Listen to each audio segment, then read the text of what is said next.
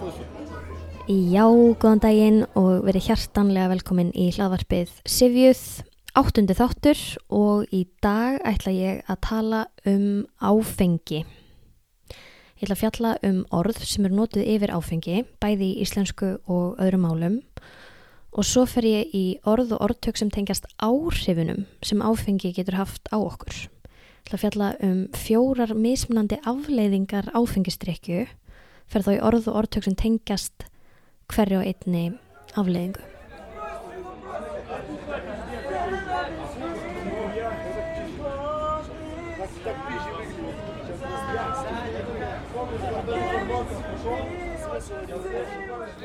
Við ætlum að byrja á orðinu sjálfu, áfengi. Nafnorð í kvorukinni, það áfengið, bara til í eintölu. Hvað er áfengi? Áfengi er vínandi, áfengi er alkohól og áfengi notum við líka yfir drikk sem inniheldur alkohól, þannig við notum það ímest yfir sjálft efnið eða drikkin sem inniheldur það. Áfengi er bókstallega það sem fær á. Áfengir drikkir fá á þig að þú neytir þeirra og kannski ekki síður daginn eftir. Að áfengi sé mynda af þessu orðasambandi að fá á í merkingunni að hafa áhrif á er ein hugmynd um uppruna orsins. Ásker Blöndal nefnir það í íslenskri orsefjabók. Hann veldir í eins fyrir sér hvort hægt sé að nefna fornháþísku sögnina anfahan í þessu samhengi sem þýðir að grípa á eða byrja sögnin anfangin í þísku er komin þaðan. En þetta fannst mér áhugaverð hugmynd vegna þess að ég hefði aldrei tengt uh, ég hefði aldrei tengt orðasambandið að fá á við, við áfengi. Og með orðinu þá, þá skerum við okkur úr við Íslandingar eins og við eigum til að gera. Alkohól er alþjóðlega orðið og það er til dæmis orðið sem er langmest notað á til dæmis bara Norðurlöndum, Svíjar, Danir, Norðmenn, Finnar, Færiengar, þeir segja alkohól þó það séu kannski til önnur orð yfir áfengi í þessum málum þá, þá er orðið alkohól notað í öllum þessum tungum. Upprunlega er alkohól arabist orð, alkuhul og átti hér áður fyrir við um fingjart málmduft sem á að hafa verið verkað á ákveðinhátt og svo nota til að dekka auglokk eins og augskuggi að miskilst. Setni hlutin kuhul er komin af sögninni kahala sem þýðir að bletta eða flekka. Þannig að frá byrjun á alkohól að hafa sannst átt við um efni sem er verkað á ákveðin hátt og veldur tiltekinni breytingu. Lítum aðeins á önnur orð, bæði íslensku og öðrum tungum sem eru nótuð yfir áfengi.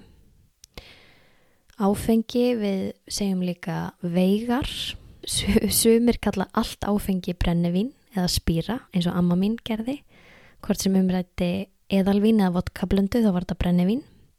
Brennevín það er vantarlega vísun í að það brenni í hálsinum eftir að maður hefur tekið brennevínskott. Uh, spýri og reynda líka spritt uh, eru upprónulega komin af hinnu latneska spiritus í merkingunni andi þannig að við getum speklað það orð við orðið vínandi í íslensku. Þannig að já, rakspýrin og handsprittið inn á baði, þau eiga uppruna sinn í orðinu spiritus.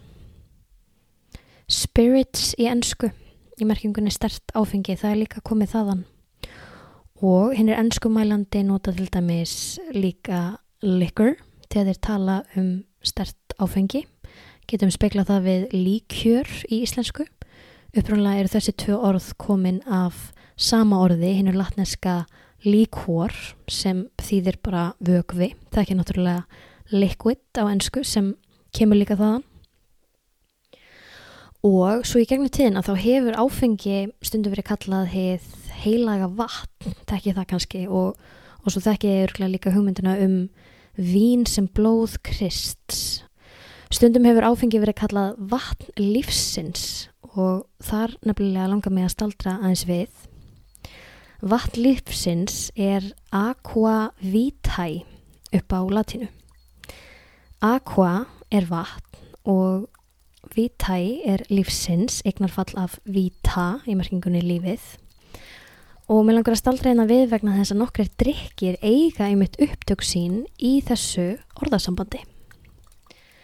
Ágavíti er þekktur skandinaviskur snaps og orðið ágavíti er komið af einmitt þessu sambandi, aqua vitae. Aqua vitae verður áka viti.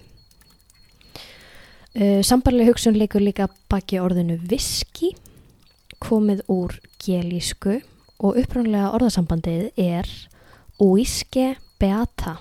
Þýðir bókstarlega vatn, það er uiske, lífsins, beata.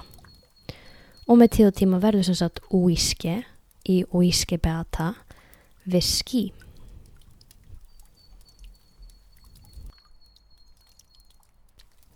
En þá erum við komin að áhrifunum. Ég ætla að fjalla um hvernig áfengi sagt, fær á okkur á fjóra mismunandi vegu og fjalla um orð og orðtök í því sambandi. Í fyrsta lagi getur það gert okkur sifjuð, í öðru lagi getur það gert okkur svöng og þyrst, Í þriðja lagi getur það valdið vissri karakterbreytingu hjá okkur og í fjórða lagi þá hefnir það sín. Áfengi getur látið okkur líða illa daginn eftir.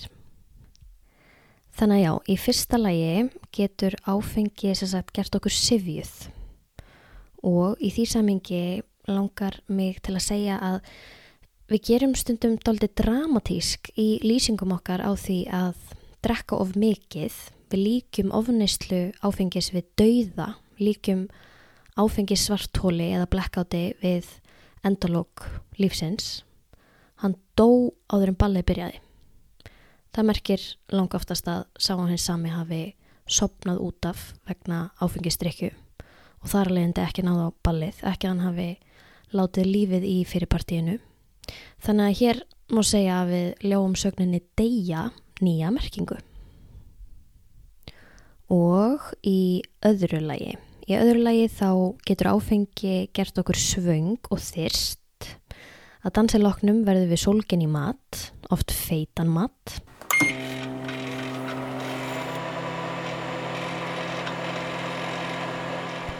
Og morgunin eftir þyrstur okkur oft í vatn. Og í þessu samingi langar mig til að nefna orðið listauki. Það hefur kannski reykist á þetta orð á á matseðlum eða matarblokkum eða eitthvað svo les. Listauki er lítill forréttur, oft paraður við glas af áfengum drikk og hugmyndin með listauka er svo að drikkur fyrir mat og svona lítill forréttur sem snarl að, að þetta auki matarlistana, skerpi á matarlistinni fyrir máltíð og ger okkur í rauninni sólgnari í aðalréttin. Þannig að þetta listökin eigur list. E, nákvæmlega sama hugmynd sem liggur að baki orðinu appetizer í ennsku. Appetizer vísar í appetite sem þýðir matarlist. Og eins fær maður sér aperitivo út á Ítalju og aperitivi í Fraklandi. Þau orð má reykja aftur til latnesku sagnarinnar aperio sem þýðir að opna eða afhjúpa. Og mögulega er það sama hugsun þar sem, sem likur þar að baki. Með því að fá okkur aperitivo þá opnum við fyrir máltíðina. Og trúlega var hugsað til orðsins aperitivo þegar drikkurinn Aperol fekk nafn sitt og þá er það þriðji leiður í þriðja lagi getur áfengi valdið vissri karakterbreytingu breytingu á hugsun og breytingu á haugðun. Hlétræg manneskja þorir allt í hennu að dansa, þeir sem verðast harlendir velja allt í hennu kefa þeir faðumlag og svo framvegis. Og hún er gömul svo hugmynd um sem sagt ofinberunar afl áfengis og í því samhengi langar mig til að nefna orðtækið in vino veritas. In vino veritas er aldagamalt latnest orðtak sem merkir að í víninu felist sannleikurinn, in vino veritas í víninu sannleikurinn. og í rauninni er kannski hægt að tólka það á tvo mismöndi vegu, annars vegar, annars vegar þannig að fólk síni sig í réttu ljósi þegar það er í glasi en líka þá hins vegar að, að drukki fólk á það náttúrulega til að, að leysa þess frá skjóðunni, tala af sér. Og in vino veritas á sér samsvaranir í mörgum öðrum tungumálum Íslenska samsörunin væri helst öl er innri maður. Öl er innri maður. Öl er annar maður er líka til, trúlega tölvert eldra, kemur til dæmis fyrir í grettisögu. En þetta fannst mér doldið gaman að finna. Öl er innri maður en vino veritas.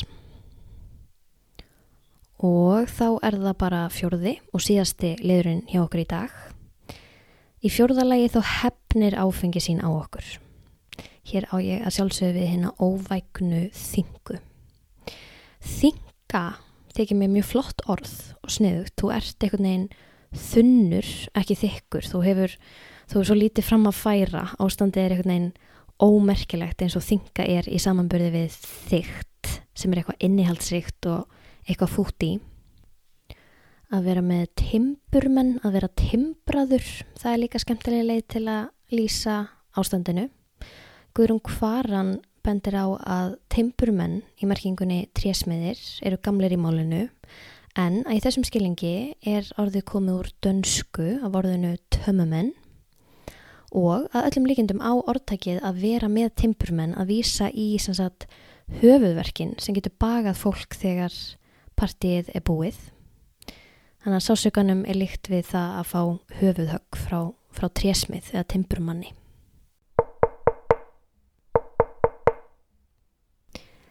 En þá hef ég ekki meira að segja í dag. Takk fyrir hlustun.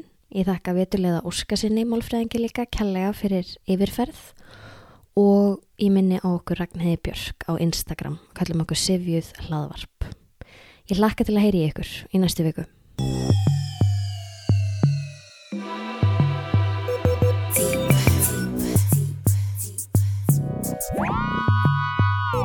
Blame it on the goose. Got you feeling loose. Blame it on the throne. Got you feeling gone. Blame it on the